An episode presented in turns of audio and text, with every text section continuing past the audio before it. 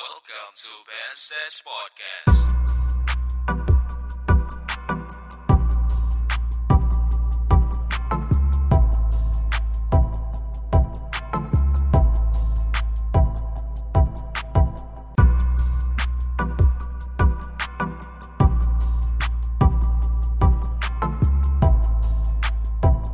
Kembali lagi Best Dance Podcast episode kali ini tanggal berapa ini, Dek?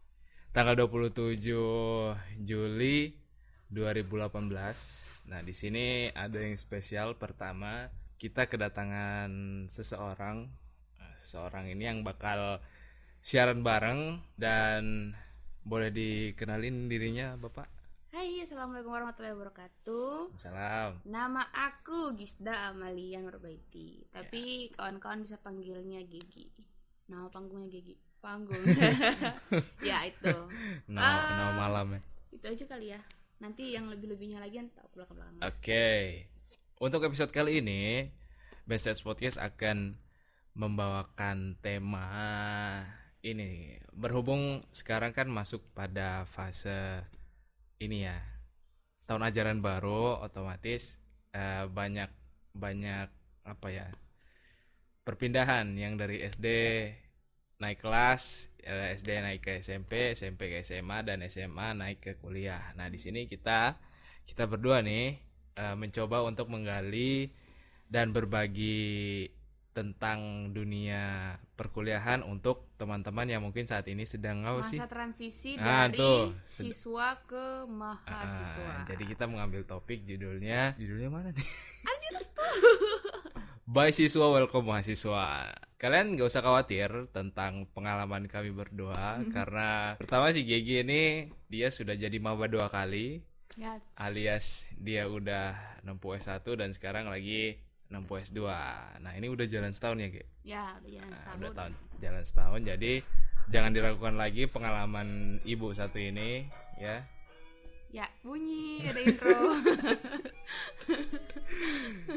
Nah, mungkin eh, ada teman-teman sebagian teman-teman yang rada masih abu-abu bagaimana dunia perkuliahan ataupun eh, teman-teman yang memiliki saudara yang eh, maksudnya Mau menuju ke Iya. mahasiswa. ya atau enggak eh, seorang kakak yang punya adik mau masuk eh, perkuliahan tapi nggak tahu mau nasihatin apa. Nah, ini ada beberapa eh, sharing-sharing aja sih. Dunia perkuliahan itu bisa dibilang berbeda, jauh berbeda dengan dunia dunia sekolah. Ah, Dunia sekolah. Beda banget. Bedanya pertama untuk dunia kuliah itu semua itu bisa dibilang independen. Yaps. Nah, independen artinya Dari lo bangun tidur, Ah. dari eh, ngurusin uang, Ah. terus jam lo harus bangun ke kampus seperti apa.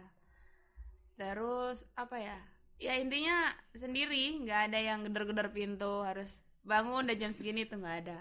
Ya ada. Jadi nggak bangun, ya nggak ngampus. gitu. Kemudian awal-awal kalau boleh berbagi sedikit, awal-awal kuliah itu pertama kami berdua kebetulan berasal dari provinsi yang sangat jauh, sangat jauh dari sebelah timur Indonesia dari Sorong Papua. Kemudian kami berdua memutuskan untuk kami berdua nih maksudnya nggak nggak nggak berdua bareng. bareng gitu ya.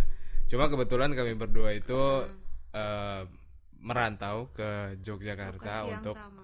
kuliah dan kampusnya Gigi dan kampusnya saya juga itu berbeda. Gigi di UI, saya di Akprin gitu. Perjalanan itu dari awal masuk gitu ya. Karena kami merantau sama-sama, semuanya tuh sendiri.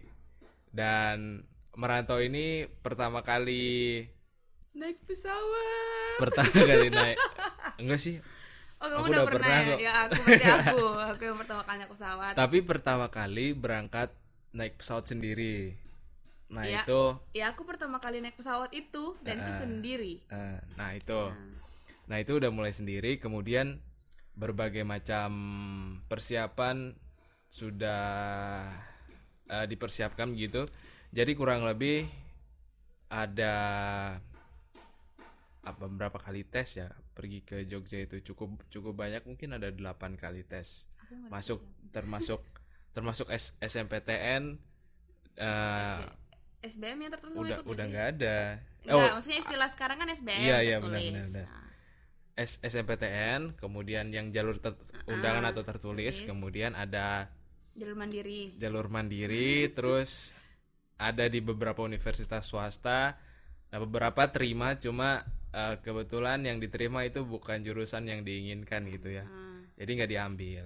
Nah kalau kalau dulu kamu gimana gitu nggak, kalau aku itu nggak sebenarnya kalau untuk pertama kali naik pesawat enggak sih. Dulu tuh udah pernah ikut eh, sama SNPTN yang undangan terus tertulis juga, tapi itu masih temenin. hmm.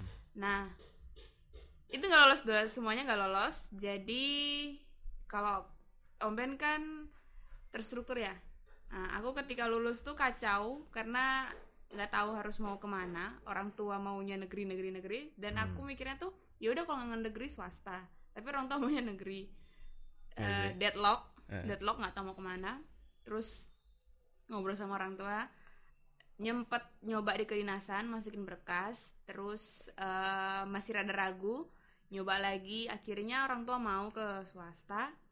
Itu pun juga apa ya kayak nggak kepikiran bakal ke UI jadi nelpon temen nanya di sana. Kebetulan ada temen yang di Jogja. Terus nanya di sana ada yang baru bukaan nggak atau masih bukaan gitu. Karena memang nggak nggak nggak nggak nggak daftar sama sekali swasta. Eh. karena kan istilahnya swasta tuh buka duluan kan baru negeri. Dan swasta paling lama takutnya malah kelamaan jadi pada tutup. Ya ternyata ternyata buka. Buka tuh cuma bilang di UI terakhir tanggal segini tes tertulis. Itu langsung seminggu langsung cap cip cup terbang nggak mikir. Orang tuh cuma bilang gini kamu berani terbang sendiri? Iya berani. Ada, udah ada yang tunggu sana? Iya udah ada. Udah terbang. Ya modal Dari apa nekat. ya? Modal nekat terus ya yang penting tuh ini Modal sih jangan na- ya. takut nanya. Heeh. soalnya kalau kita nggak nanya ya ya, ya kita nggak bakal tahu kita berangkat kapan pesawat ini udah mau terbang apa belum ya kita nggak tahu. Ya. Gitu. Betul. Ya dari sana eh, berarti kita nggak nggak apa ya kalau kita baru mau mau keluar nggak nggak usah nggak usah takut. Atau teman-teman yang merantau biasanya kayak gini pas waktu dulu tes tes tuh eh, saya ngelihat beberapa orang atau beberapa anak itu ditemani sama orang tuanya oh, setiap nggak. tes. Aku nggak. Jadi kayak eh effortnya orang tua itu kelihatan bahwa anak ini pengen pengen ke mana-mana orang tuanya temenin urus administrasi orang tuanya temenin urus tes apa segala macam cek tertulis temenin. Tapi dalam hati ya boro-boro ya orang orang tua jauh gitu kan ya. Iya lumayan juga bos tiket dari iya. ke Jogja. Jadi mulai dari Zaman tes administrasi bayar apa pun nah itu semuanya sendiri. Dan yang paling menantang dulu tuh pernah kan di Jogja posisi di Jogja. Kemudian tes ke Semarang di mana Semarang itu pertama kali dikunjungi kemudian nggak punya keluarga di Semarang. Terus ada ujian masuknya ujian masuk mandiri dan ha, saya harus ke sana tapi mungkin itu jalan dari Allah ya. Ke sana tuh dapat temen terus kenalan tinggal di kosannya dia terus ketemu teman-teman bareng yang pengen ujian masuk juga dan al- alhamdulillah ya nggak lolos. Ya Allah ngasih jalan dapat iya teman baru lah ya. bener. Hikmahnya tuh eh, apa ya? Jangan takut ke ini sih ke ke dunia yang baru atau tempat yang baru. Yang penting jalani aja terus banyak-banyak berdoa. Biar berani gitu. Aku kalau kalau aku sih apa ya administrasi masih ditemenin. Soalnya ya harus bawa duit banyak dan belum berani pegang duit sebanyak itu. Dan zaman itu juga apa ya takut kalau istilahnya transfer transfer gitu kan takut. Iya iya iya Maksudnya, benar-benar. kita nggak paham nih ya maksudnya belum belum belum terbiasa dengan hal seperti itu. Ya bukan berarti Papua kudet-kudet amat enggak. Cuma kan ya orang tua kita tuh zamannya orang tua kita tuh kan lebih enak apa ya bayar langsung cash ngeliat uang nyata Iya. di trans apa di depan kasir gitu kan lebih enak. Kayaknya waktu administrasi masih temenin tapi sejak terbang ke sana tes mondar mandir tuh enggak naik dulu tuh di Jogja tuh nggak ada angkot Oke, di Iya, Jogja tuh nggak ada angkot. nggak ada angkot Jadi ke mana-mana pakai ojek. Ojek ini sih ada sih dulu sebelum ada sebelum ada Gojek tuh ada ojek yang di Pangkalan. Cuma mereka mahal ojek pangkalan itu Iya ini kayak taksi sih pakai Eh, argo kan ya. eh. Ya ya mau gimana lagi soalnya emang gak ada angkot kan. Naik Trans Jogjanya pun itu lama. Kita harus nunggu lama. Jadi lebih, supaya bisa efisien waktu ya udah kami pakai ojek itu. Gitu. iya betul sekali Kamu jadi ngekos nyari sendiri. kos nyari di internet Oh. thank you for sudah- internet sudah Eh, sudah internet menggunakan internet. Aku masih dicarikan. Kalau Ah. kos masih carikan. Enaknya di situ sih. Jadi aku nggak ngerasain gimana pusingnya nyari kos-kosan. Aku harus mondar-mandir sana kembali nanya enggak. Karena kebetulan ada dibantu ada papa, teman kampusnya papa. Jadi Ah. papa memang dulu sempat Jogja apa Oh, kuliah anak di Jogja Jogja, juga. iya, kuliah di Oke. Jogja juga. Ya udah, jadi aku ke sana tuh udah langsung ada sih kos-kosannya. Mm-mm. Cuma kalau dengar dari teman-teman lain yang apa yang nggak dicarikan ya sama mereka harus muter-muter Ah. nyari, Oh. muter-muter nyari, nanya sana sini. ya sih ah salah satu tipsnya nih kalau misalnya kalian baru datang dari daerah kalian masing-masing kemudian belum punya kendaraan eh, cari koslah yang dekat pertama kalau bisa dekat kampus. Hmm, benar. dekat kampus kemudian dekat sama warnet. Jadi dulu pas saya pernah datang tuh cari warnet karena warnet pertama sumber informasi kalian kan biasanya ada yang datang ke Jogja itu bukan buat daftar tapi mal eh, mau nyari info-info aja kan. Karena mungkin pendaftarannya belum buka dan lain sebagainya. Nah warnet itu sangat membantu. Kemudian warnet juga kalian bisa nyetak-nyetak misalnya kartu kartu ujiannya atau informasi apa surat-surat dari scanning ke- keluarga dari daerah kan bisa. Nah itu kedua. Jadi ada ada dua tips. Yang pertama yang tadi cari dekat dekat dekat kampus yang ingin dituju. Kalau masih pengen nyari informasi ya dekat warnet Iya, benar. karena kalau jauh tuh eh, Jauh jalan ya, kakinya susah. cukup cukup lumayan Zamanku kalau kosku sih kalau mau dibilang rumah lumayan jauh sih. Sekarang kosku tuh yang dari awalnya satu sampai sekarang tuh masih itu nggak pindah-pindah. Mungkin karena dulunya aku nggak pernah punya pengalaman nyari ke kos, Eh. terus harus nyari kos lagi tuh kayak males gitu kan. Eh. jadi ya sudahlah di situ aja lumayan sih kalau jalan dari kosku ke kampus tuh ya lumayan cuma ya karena namanya awal dia harus dijalani cari makan pun juga di situ tuh nggak ada deh. Tempat kosku tuh nggak ada yang orang jualan dekat makan kan. Eh. oh iya dekat makan juga. jalan ke depan dulu Bener. sekitar 500 meter apa ya 500 meter dulu baru dapat Indomaret dapat tempat Ah. makan gitu. Perjuangan sih. Wah berarti kosku yang lebih strategis ya? Nah mungkin kosnya lebih strategis. Kamu Soalnya megang motor dari belakangnya kapan? mall. Ayo. mall iya bener. Tapi mall itu masih waktu itu waktu itu nggak ada. Tapi warung eh, tempat belanja tuh dekat. Dia enak kan? Motor? Kamu motor dari kapan? kalau motor itu semester eh nggak sampai semester. Eh iya semester ding. Semester 2 akhir kalau nggak salah oh, baru masih, dibeliin motor. masih berdarah darah ya? Ya masih berdarah-darah Ah. di semester 1 aku semester satu pertengahan. Semester satu pertengahan. Iya ya, di lumayan. Pertengahan motor udah ada. Lumayan. Ya itu mo- motor juga penting sih untuk Iya. di Jogja karena ya itu tadi Jogja nggak punya angkot. angkot. Kalau naik ojek itu dulu ya tahun 2012 itu 20.000 jarak mungkin sekitar 3-4 kilo tuh 20.000 sekarang mungkin 40 ribuan. Hmm, jadi cukup menguras kantong apalagi tapi kantong mahasiswa dulu belum ada gojek bapak Iya. oh ya sekarang ada ya gojek sekarang ada pakai gojek, jadi teman-teman terbantu lah iya kalau ya kan kalau nggak ada gojek aduh ya allah tapi kalau jalan kaki nggak apa-apa sih sehat juga iya apa sih bener-bener. Oke, anggaplah teman-teman semua udah udah pada masuk ke universitas impiannya masing-masing.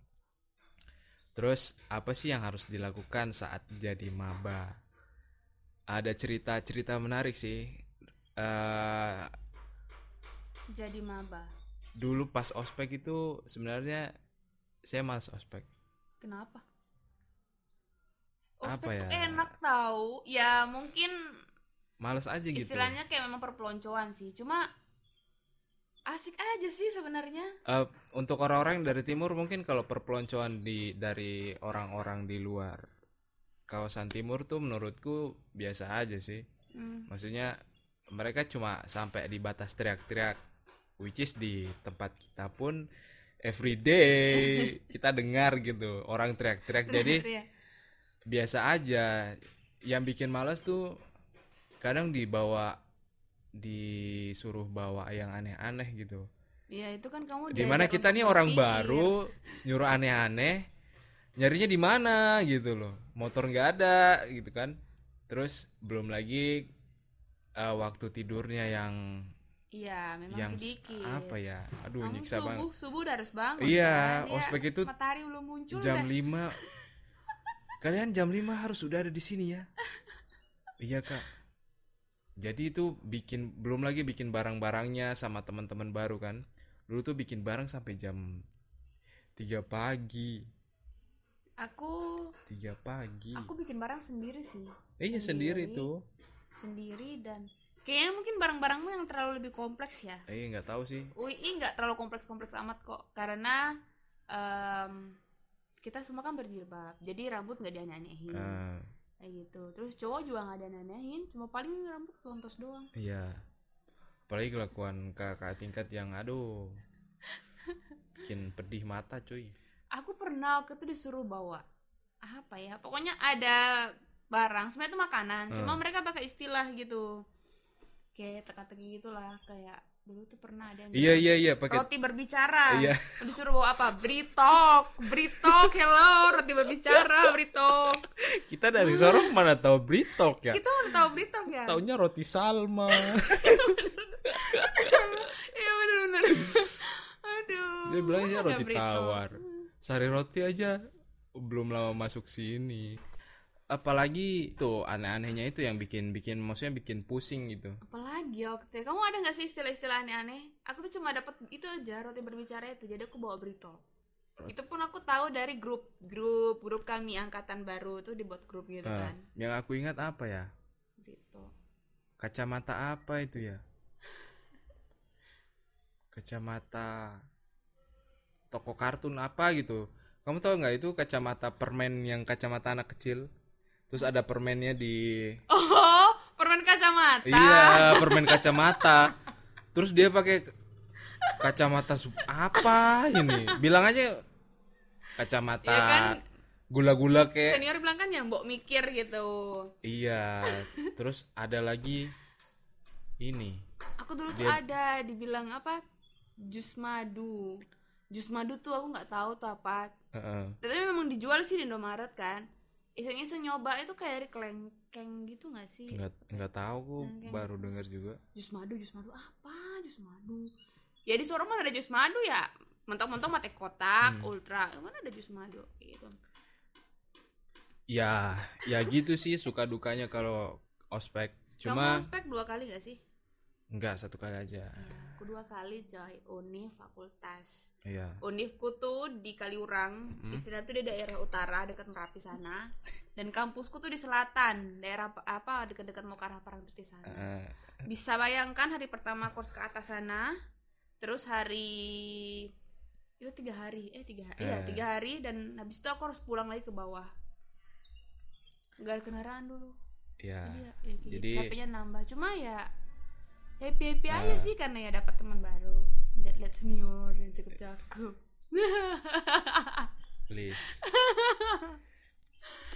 Eh, jadi salut sih buat teman-teman yang yang berjuang sebegitunya untuk untuk mengikuti rangkaian kampus itu. Ya kalau kalau kita sih ya sarannya ngikutin aja.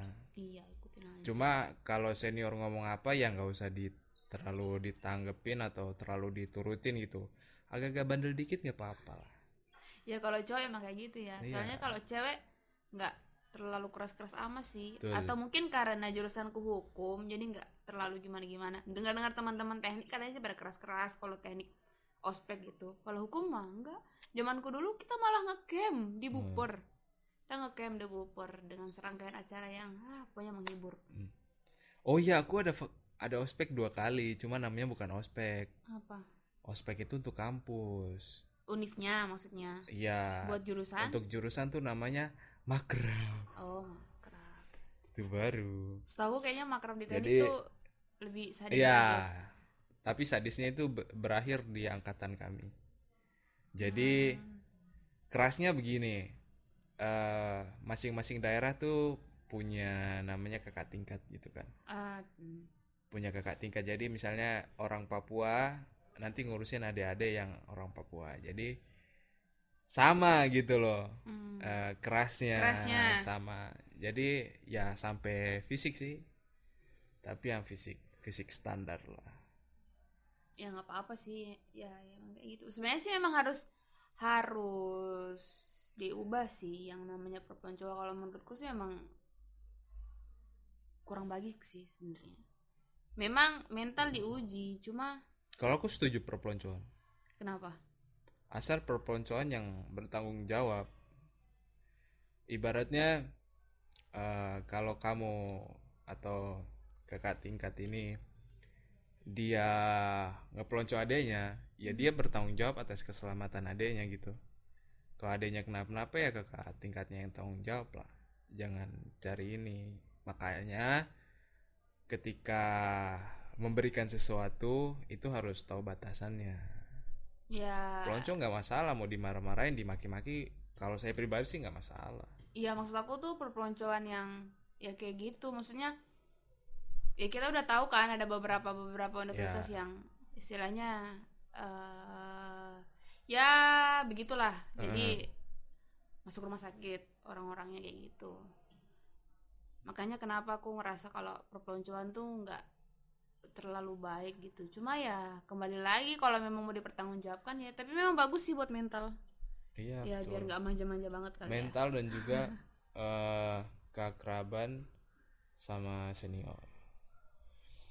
Kemudian kalau misalnya kita udah ngikutin serangkaian ospek, itu kan kita kuliah tuh. Kita Hmm. sudah menjadi officially sudah jadi mahasiswa mahasiswa. Kagak pakai seragam. Iya, Jadi kamu bisa explore lah. Ya, majang-majang dikit di kampus. Iya sih. Iya kan? Jadi, ajang mejeng. di kampus karena no uniform. No uniform. Tapi aku biasa aja sih. Awal-awal senengnya tuh cuma bisa pakai sepatu cat gitu aja. Di sekolah nggak boleh pakai sepatu cat ya? Iya, dari SD sampai SMA tuh pakainya sepatu hitam. Oh, aku bisa. Alhamdulillah SMA boleh pakai sepatu putih, jadi gaya juga. Iya, cuma- banyak kaya lu. Ya. ya, aku zaman S1 banyak gaya emang. Zaman S1 tuh wah macam-macam gayaku. nggak usah banyak gaya kalian kalian ingat mama ingat bapak Hmm. Bener. nyari uang Uang. itu jangan disia-siakan karena pertama kuliah itu mahal nggak semua orang bisa Kuliah. kuliah eh ya bentuk tanggung jawab aja sih kalian udah di kuliah jauh-jauh tapi malah foya-foya Hmm. jalan-jalan gitu kan sewajarnya Surah. aja Iya. sewajarnya aja sih maksudnya Sewajarnya bukan aja. berarti bukan berarti kita harus kuliah terus ya enggak ya Iya. hidup nggak flat flat nggak Iya, harus flat flat amat kan ya butuh hiburan juga sih hidup tuh eh hidup lagi kuliah tuh nggak harus flat flat amat Mm-mm. boleh hangout ya Uh-uh. kan boleh halan-halan tapi ya itu dibarengin sama keuangan yang seimbang Iya, ya kalau nggak lagi ada duit ya jangan malu on- untuk nolak temen sih. Hmm, benar Nah itu itu juga Tips, sih tips, tips. at- atmosfer atmosfer pergaulan tuh. tips Kalau kalian berteman sama orang baru, Hmm, itu kalian harus lihat-lihat juga.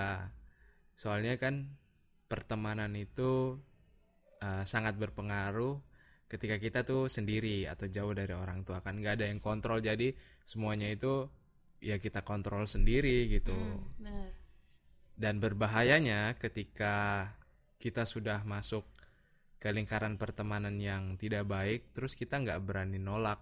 Nah itu bakal ajakan pertama iya ajakan Iya. kedua tiga empat dan lama-lama akhirnya ya udah ke bawah arus dan nggak bisa keluar lagi. Nah itu Soalnya- sulitnya. buruk-buruknya tuh bisa sampai ya kita manipulasi kebutuhannya kita yang harusnya sebenarnya bukan bukan buat itu kita mintanya dibilangnya buat itu. Ya karena ya itu ter ter apa ya kok tertuntut sih? Jadi mau nggak mau ya kita harus kalau kita nggak bisa pintar-pintar ngebawa diri ya kacau sih. Mm. bakal kacau. Jadi ya itu. Kalau aku Pilih. menganut menganut prinsip jangan gengsi jadi kalau emang gak ada duit bilang aja nggak ada duit serahlah mereka mau bilang Iya. kita eh mau bilang kita kere atau mau bilang kita terlalu pelit atau mau Hmm. bilang kita terlalu mikir-mikir duit ya nanti kita susah emang mereka mau Iya. membantu kita kita kita udah limited uangnya gitu nanti kalau udah tanggal Hmm. tua tanggal tua terus mereka ada udah nggak apa-apa nggak mungkin. Bukan nggak bukan nggak mungkin sih maksudnya belum tentu mereka bilang udah nggak apa-apa aku bayarin. Ya wong posnya sama-sama mahasiswa iya. rantau pula kan. Gitu. Iya iya. apalagi ya maksudnya hal-hal yang biasanya sih yang paling penting itu hal-hal yang dikhawatirkan sih. Itu yang kenapa membuat orang tua kadang ragu untuk anaknya. Kayaknya misal eh kayaknya contohnya.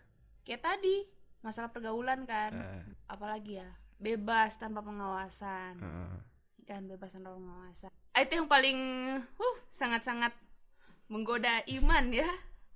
Aduh, kalau berangkat terus kita tidak membawa iman yang kuat ya. kita bisa ke bawah arus. Soalnya ya nggak ada yang maksudnya nggak ya kalau di rumah kita pulang jam 10 eh, telepon pasti kan telepon udah di mana? Itu apalagi di Papua coy. Jam 9 jam 8 tuh udah sepi Udah- udah rawan ya. iya udah sepi. Jatuhnya udah rawan. Jadi jam 9 ke atas sudah mau setengah 10 tuh ditelepon. Di Jogja? Pulang jam 2 kek Iya pulang jam 2 3 kayak pulang nanti habis azan subuh udah berkumandang baru pulang nggak masalah. Karena Jogja emang nggak pernah tidur sih ya. Eh, orang tuh ada aja. Maksudnya nggak nggak nggak hening-hening banget. Kayak seorang tuh enggak jadi mau pulang jam 2 jam 3 terserah. Bisa aja ya terserah. Bisa-bisa aja. nah itu. Nah itu yang harus dipatut diwaspadai. Kalau nggak bisa eh, ngatur-ngatur pergaulan. Termasuk saya juga dulu pernah seperti itu. Tapi untungnya mentok-mentoknya hanya sampai pulang-pulang tengah-tengah malam aja sih. Kau kenapa sih bisa pulang tengah malam gitu? Ngobrol. Ngobrol sama temen. Ngobrol biasanya sih kalau ngobrol itu ketemu sama temen yang sedaerah dan lama gak ketemu. Ah, jadi kayak kita kotak-kotakan nih.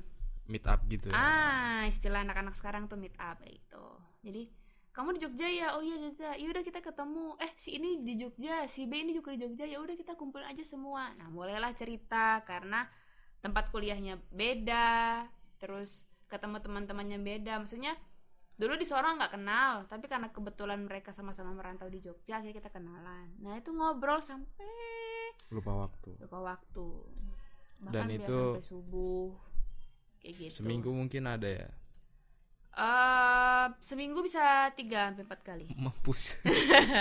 Tiga sampai empat kali. Dan besok kuliah dan aku masih bisa kuliah. Hmm. cuma apa ya? Kalau dibilang produktif untungnya ya untungnya diriku tuh masih bisa produktif. Cuma sakit. Hmm. dampaknya sekarang sakit. Kok udah bisa? sakit. Kok bisa? Maksudnya eh, udah udah apa ya ibaratnya istirahatnya kurang kok masih bisa produktif itu gimana? Istirahatnya kurang masih bisa produktif. Ingat orang tua. Jadi aku tuh gimana ya hangout boleh tapi kuliah tetap jalan. Ah. jadi eh, nongkrong sampai tengah malam tapi kewajiban tetap harus jalan. Aku mikir gitu. Cuma ya itu dampaknya ke ke badan sih. Ah. kadang kadang kadang sakit. Tapi ya apa ya? Karena circle temannya itu jadi kalau nggak gitu aku ngerasa kayak nggak punya Hmm. teman. Produktifnya tuh gimana? Maksudnya udah kayak gitu terus masuk kuliah atau produktifnya kuliah tetap di luar di luar kuliah masih ada kegiatan lain masih ada gitu? kegiatan lain. Aku ikut organisasi. Oh ya betul. Aku ikut organisasi. Ah. oh. Jadi masih lanjut. Organisasi aku masih lanjut. Eh, maksudnya masih bisa organisasi masih suara ke mana-mana. Kuliah masih masih bisa. Nugas di di organisasi. Ah. nah gitu. Kalau buat teman-teman yang apa ya tidak terbiasa multitasking misalnya ya multitasking. Ya mungkin bakal kacau sih. Soalnya teman-temanku juga ada yang tipikalnya memang sama kayak aku suka nongkrong. Zaman itu kalau sekarang udah alhamdulillah sudah enggak Udah ya. tobat ya? udah taubat Udah karena tobat udah ya? sering sakit. Nah biasanya gitu. Orang orang udah kena batunya baru berhenti. Nah, nah nanti kalau belum kena batunya dia belum belum berhenti. Ya karena memang kayak gitu sih kehidupan. Kalau kamu ikut organisasi apa lembaga eh lembaga apa permasyarakatan bem bem bem oh bem, Bem. oh Kalau di tempatku bem. namanya lem. Eh, lem bukan anak ngelem ya, bukan anak ngelem anak kan. ngelem berarti Lem, ya. lem tuh lembaga eksekutif mahasiswa. Ah, Jadi regionnya tuh fakultas. fakultas Iya. oke Fakultas. Belum berani univ, soalnya kalau univ aku harus lari lagi kali orang, ke Ah, utara lagi oh ke iya, iya, iya, 14 benar-benar. km. Nah, aku mikir karena aku juga suka nongkrong, terus aku harus menambah diri ke 14 km kan nggak mungkin. Jadi ya udah mantepin aja di fakultas. Tiga Iya. tahun, tiga tahun bertahan. Cuma ya itu sakit, suka sakit, gampang sakit.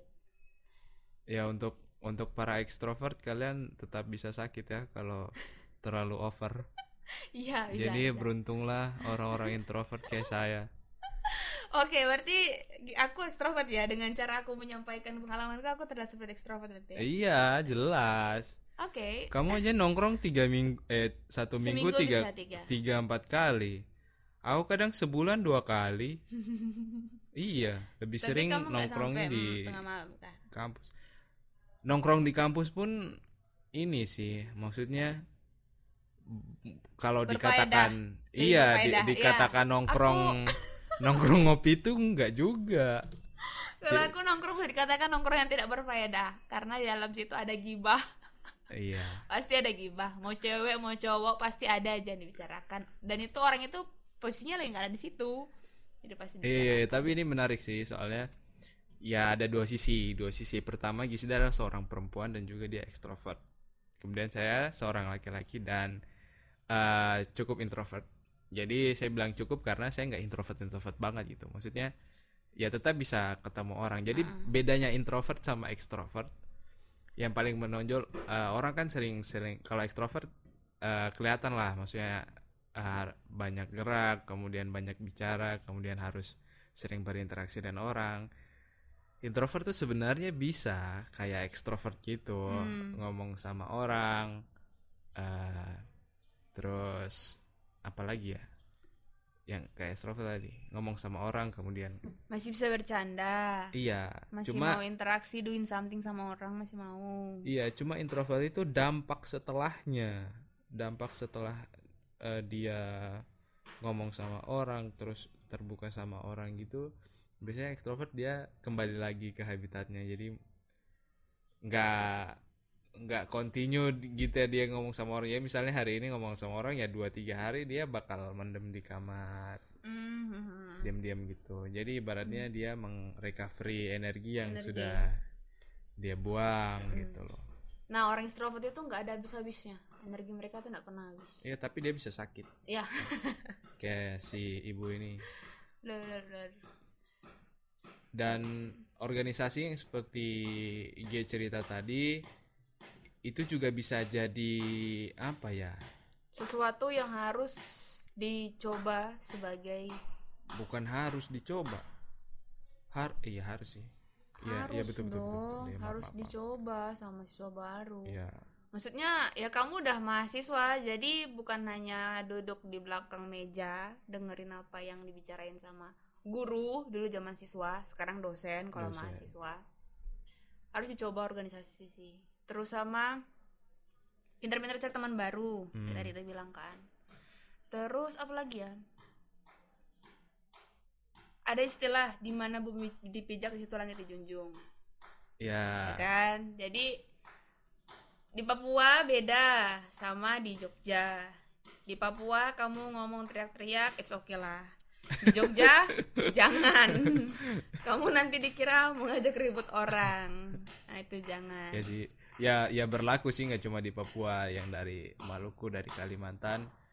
Kalau datang ke kampung orang ibaratnya hormatilah rumah orang gitu. Soalnya kan kita tamu ya harus menghadapi kalau Papua bilang tuh tuan tanahnya. Yap, jadi tata keramanya harus Ah, ada. tata kita krama, harus tata krama. Soal soalnya nggak jarang sih maksudnya kita nggak memungkiri bahwa kadang eh, orang-orang dari timur eh, berlaku berlaku apa ya cukup meresahkan cukup meresahkan di tanah perantauan meresahkan ini ya entah dia pembuat kacau ataupun semuanya itu bersumber dari satu hal kalau kamu tahu Hmm.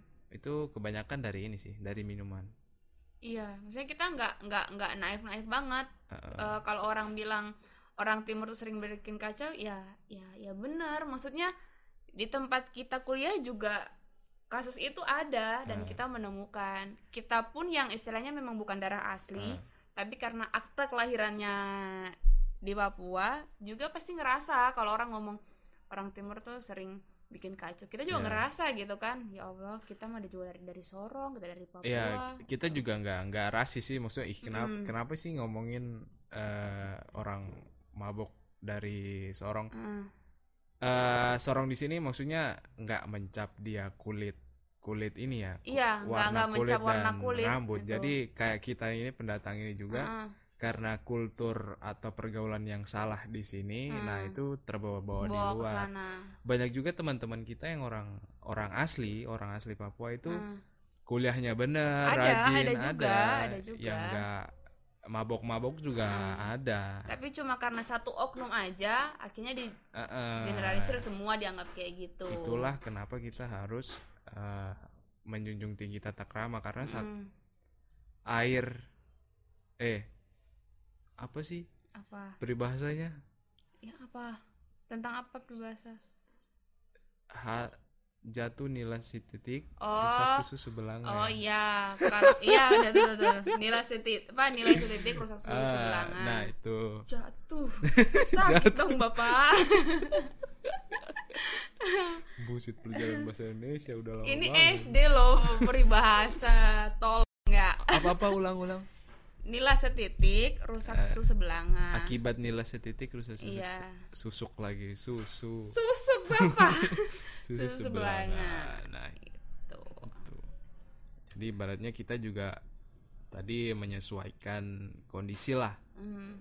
menyesuaikan apa yang harus kita sesuaikan terus apa yang kita adaptasi misalnya orang Jawa tuh kan suka namanya eh, senyum Ya, suka Ditegur. senyum ditegur siapa pun itu kenal atau nggak kenal, senyum dan tegur.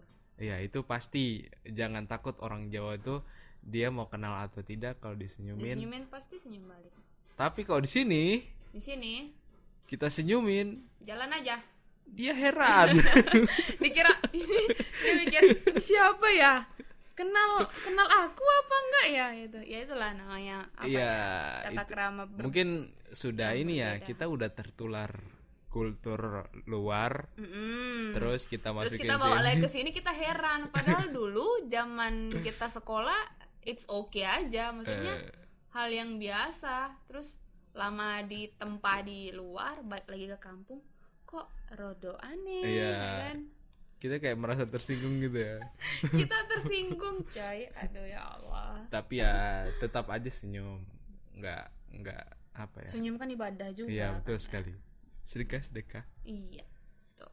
setelah itu setelah mengikuti organisasi dan apa sih adaptasi lingkungan lingkungan tadi yang harus kita perhatikan juga itu Ya, yang yang paling penting yaitu segala hal-hal yang mengkhawatirkan di luar dari pergaulan oh iya sama ini kelakuan yang dari Ah. sini dibawa ke sana iya kelak, kelak- kelakuan dari siswa SMA zaman siswa-siswa yang suka bolos betul. suka nentang guru ngomong apa. Ya emang sih kuliah itu mandiri gitu. Hmm. tapi ya kamu udah besar coy. Bukan anak-anak lagi. Masuk emang bareng tapi kan lulus masing-masing. Iya Nggak iya. kayak SMA SMA eh, masuk bareng lulus bareng. Kalau kuliah tuh masing-masing. Jadi tata kramamu juga diperhatikan di situ. Itu biasa awal-awal tuh teman-teman kayak oh kita masuk kuliah sama-sama ya keluar sama-sama ya. Ah kayak gitu jadi awal tuh bareng-bareng terus kan jalan kayak gerombolan ikan teri gitu jalan rame-rame udah udah tahu lah kalau kalau kalau maba pertama kali itu di kantin jalan rame-rame kayak gerombolan teri itu udah ketahuan ini maba Eh. nanti kalau udah masuk semester 3 semester 4 ah sudah lah mulai itu nanti kelihatan kelihatan mana yang tekadnya kuat mana yang tekad setengah mana Iya. tekadnya yang Ah, itu baru kelihatan yang tadi awalnya gerombolan teri, sekarang jadi gerombolan hiu sendiri Eh. sendiri. Udah nggak bergerombol lagi. Nanti kelihatan mana yang istilahnya masih istiqomah iya buat kuliah. nanti sampai ke ujung-ujung ya ibarat pohon semakin tinggi anginnya semakin kuat ya Kuat. semester semakin tinggi malas tuh semakin tinggi juga Hmm. gitu Itu juga harus diperhatikan sih, karena kita mandiri. Terus kalau tekad kita nggak kuat, ya ya udah. Heeh.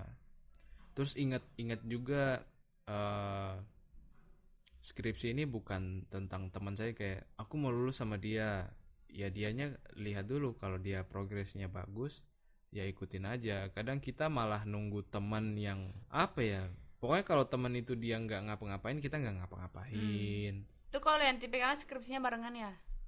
nggak juga sih itu kayak teman nongkrong gitu loh Oh, dia kamu pengen memot eh, pengen termotivasi bareng-bareng keluar sama bareng-barengan Iya. gitu. Oh, ya. Karena misalnya kan teman-teman nongkrong lihat ah dia belum belum ini kok belum mulai. Aku nanti aja deh. Hmm. dia masih di sini kok. Nanti dulu aja deh. Hmm. nanti nanti nanti nanti kamu kaget dia udah sidang. Terus kamu Ternyata merasa dia terhianati diam-diam udah sidang duluan. Nah, tahu-tahu nyampe gitu. di depan apa ruang dosen. Lah kok nama dia udah ada di jadwal sidang? Kalian boleh eh, apa ya melaksanakan sesuatu bersama-sama. Cuma progres itu kan diri kita masing-masing. Nggak nggak bisa kayak eh, lihat dia progresnya lambat sebenarnya kita bisa cepat ya kita lambat-lambatin ya salah juga. Karena apa ya krisis krisis motivasi terutama nanti nanti ya nanti karena kalian masih maba. masih baru. Itu juga terpengaruh karena pertama udah nggak ada kegiatan kan. Jadi ibaratnya udah nggak ada lingkup lingkup lingkup ini ibaratnya kamu harus masuk kuliah dan lain sebagainya ini sudah nggak ada karena udah nggak ada tanggungan. Jadi kamu kayak eh mahasiswa semi pengangguran gitu. Hmm. eh nggak nggak nggak bisa dibilang pengangguran juga sih. Maksudnya mahasiswa mahasiswa tanggung jawab dia cuma satu. Jadi ya dia ke kampus kalau dia mau. Nah. Bukan karena ada kuliah gitu ya. Kalau nggak ke kalau nggak ngurus skripsi ya udah nggak ke kampus. Tapi kalau ngurus skripsi ya ke kampus ketemu dosen. Iya betul sekali. Tuh jadi harus harus pendekatan sih. Ya nanti itu kita- nantilah. kita Nanti bakal kita bahas bakal lah. bahas Ah, iya. gimana jadi mahasiswa akhir. Jadi untuk untuk teman-teman mahasiswa baru ya itu tadi. Awalnya tadi ya pertama kalau kita di tanah perantauan itu jangan pernah takut atau jangan sungkan-sungkan kalau kalian tidak tahu kalian bertanya. Terus eh, yang kedua jagalah pergaulan pilihlah teman bergaul yang baik teman bergaul yang bisa apa ya bisa membantu kalian gitu. Membantu di sini karena kita hidup sendiri manusia kan butuh sosialisasi gitu. jadi carilah teman yang sekiranya bisa bantu ketika misalnya teman-teman sakit eh, dia bisa ada di bisa diandalkan misalnya beli obat atau beli beli makanan gitu kan. Nah ini salah satu tantangan juga buat introvert biar nggak terlalu introvert introvert banget gitu loh. Kalau kamu sakit tuh kamu harus minta tolong. Minta jangan tolong. di kamar minum Jangan obat sampai di kamar overdosis. Di kamar apa meringkuk. Kaget-kaget buka ya udah lalatan jangan atuh. Nggak Nah, itu. Kemudian yang tadi ketiga eh, ikutilah cobalah untuk terjun ke dalam dunia organisasi. Karena di dalam dunia organisasi itu kita ditempa berbagai macam jenis tantangan ke depannya atau tantangan di dunia baik di dunia kerja ataupun dunia masyarakat. Contohnya per- kalian bisa apa ya berani untuk diplomasi kepada orang-orang baru. Apalagi berdiplomasi dengan orang-orang yang sudah memiliki nama misalnya pejabat apa segala macam. Kemudian belajar untuk eh, birokrasi em, birokrasi alias surat menyurat. Mm-mm. itu kan ada setiap-setiap kampus pasti berbeda-beda. ya, dan birokrasi ke lembaga ke toko masyarakat Hmm. ke perusahaan itu berbeda-beda. Nah di mana di mana hal tersebut diajari ya tentu di di dalam organisasi nggak ada di bangku kuliah itu mah Pokoknya di perkumpulan itu lebih ke arah soft skillnya. Ah, soft skillnya Iya, betul Soft skillnya. Kemudian yang keempat eh, menjunjung tinggi tata, tata krama. Jadi tetap dijaga kalau kalian orangnya bangor ya bangornya di kos aja lah. Jangan di masyarakat gitu. Atau kalian orang yang suka iseng Iseng ya. ya Isengnya tahu tempat. Iya, isengnya tahu tempat gitulah. Terus eh, hargai perasaan orang lain. Ya, itu yang paling penting. hargai perasaan orang lain karena eh, masing-masing orang ada batasnya sih misalnya Iya. kalau kalian kalian iseng atau kalian eh, ganggu orang misalnya dalam artian bercandaan itu kadang orang mengartikannya pun bukan bercanda gitu jadi harus tahu batasannya dan yang terakhir tadi Mandiri. eh ya mandiri dan meninggalkan kelakuan-kelakuan SMA yang yang sama sama sekali tidak membantu. Ya, benar. ya. Jadi kayak gitu. Kalau dari Gigi ada ya ada nggak secara pribadi pengen disampaikan? Kalau yang paling aku tekankan sih masalah mandiri sih. Soalnya mandiri ini bukan bukan eh, apa ya? Cuma tentang kuliah toh macam-macam tentang kamu memanage uang apa mengatur keuangan itu yang paling penting. Pola hidup ya kan. Jadi yang eh, di rumah sehat tapi malah ngekos jadi suka sakit-sakitan Iya. Nah, pengeluaran malah makin lebih banyak Iya, kalau jaga sakit. kesehatan. Jaga kesehatan itu yang paling penting karena ketika orang tua tahu teleponannya masuk eh teleponannya lagi telepon kita masuk dan mengabari bahwa kita lagi di opnam itu muter otak orang tua yang lagi jauh kan. Kadang mikir apa aku harus ke sana atau enggak gitu. Yang paling aku tekankan sih mandiri. Iya. terus mandiri juga dalam hal pergaulan. Jadi kita bisa ngambil sikap. Kalau dirasa tempat kita berkecimpung di situ kurang baik ya lebih baik jangan kayak gitu. Mandiri sama sadar diri. Iya tetap mandiri sama sadar diri Iya. dan yang paling penting ingat Tuhan Iya. ingat Allah Subhanahu Wa Taala pokoknya yang merasa mempunyai agama yaitu Kayaknya semua sama- punya agama deh. iya ya Tapi yang mengikuti agamanya nggak tahu. yang nah itu dia Di Indonesia yo, di Indonesia. Ah, jadi kalau apa ya kalau kita ingat Tuhan pasti kita tahu mana yang baik mana yang buruk Ah, itu sih ya. penting Kalau kalau aku terakhir nih, eh, kalian sehat aja lah. Oke, nah itu dia dari kami berdua. Mudah-mudahan apa yang kami sharingkan di sini bisa menjadi acuan atau bisa menjadi informasi yang sangat bermanfaat bagi teman-teman sekalian. Kalau eh, teman-teman mendapati bahwa podcast ini sangat membantu, silahkan eh, like, beri komen, dan kami pengen dengar eh, pendapat kalian, suka dukanya kalian yang baru aja masuk eh, mahasiswa atau suka dukanya kalian sebagai kakak atau orang tua pada anak atau adiknya. Nah itu silahkan komen di bawah. Dan seperti biasa di akhir podcast Band Stage ini ada lagu. Beat ini saya namai Kyle. Jadi beat ini baru dibuat buat baru banget tadi malam. Udah ada di Instagram. Oh ya, kalau kalian eh, ingin tahu lebih lanjut atau tanya-tanya ke Mbak Gegi, silakan eh, follow IG-nya at gegi.zd gegi.zd. atau nggak cari aja Gisda Amalia Nurbaiti cuma satu orang kok yang punya nama Ah, itu ah, oh iya. pasti nemu di Instagram aja Ah, nah itu kalian bisa bisa kontak Mbak Gegi secara personal sekiranya Bagi ada mau yang mau berbagi atau curhat. Kami sangat terbuka. yang Oke. mau masuk S1 yang mau masuk S2 boleh lah Ya, boleh-boleh ceritalah. Dan oke itu saja. Terima kasih atas atensi teman-teman sekalian. Saya Om Ben. saya Gisda Nurbaiti Take off position. Yuhu, dadah Assalamualaikum warahmatullahi wabarakatuh. wabarakatuh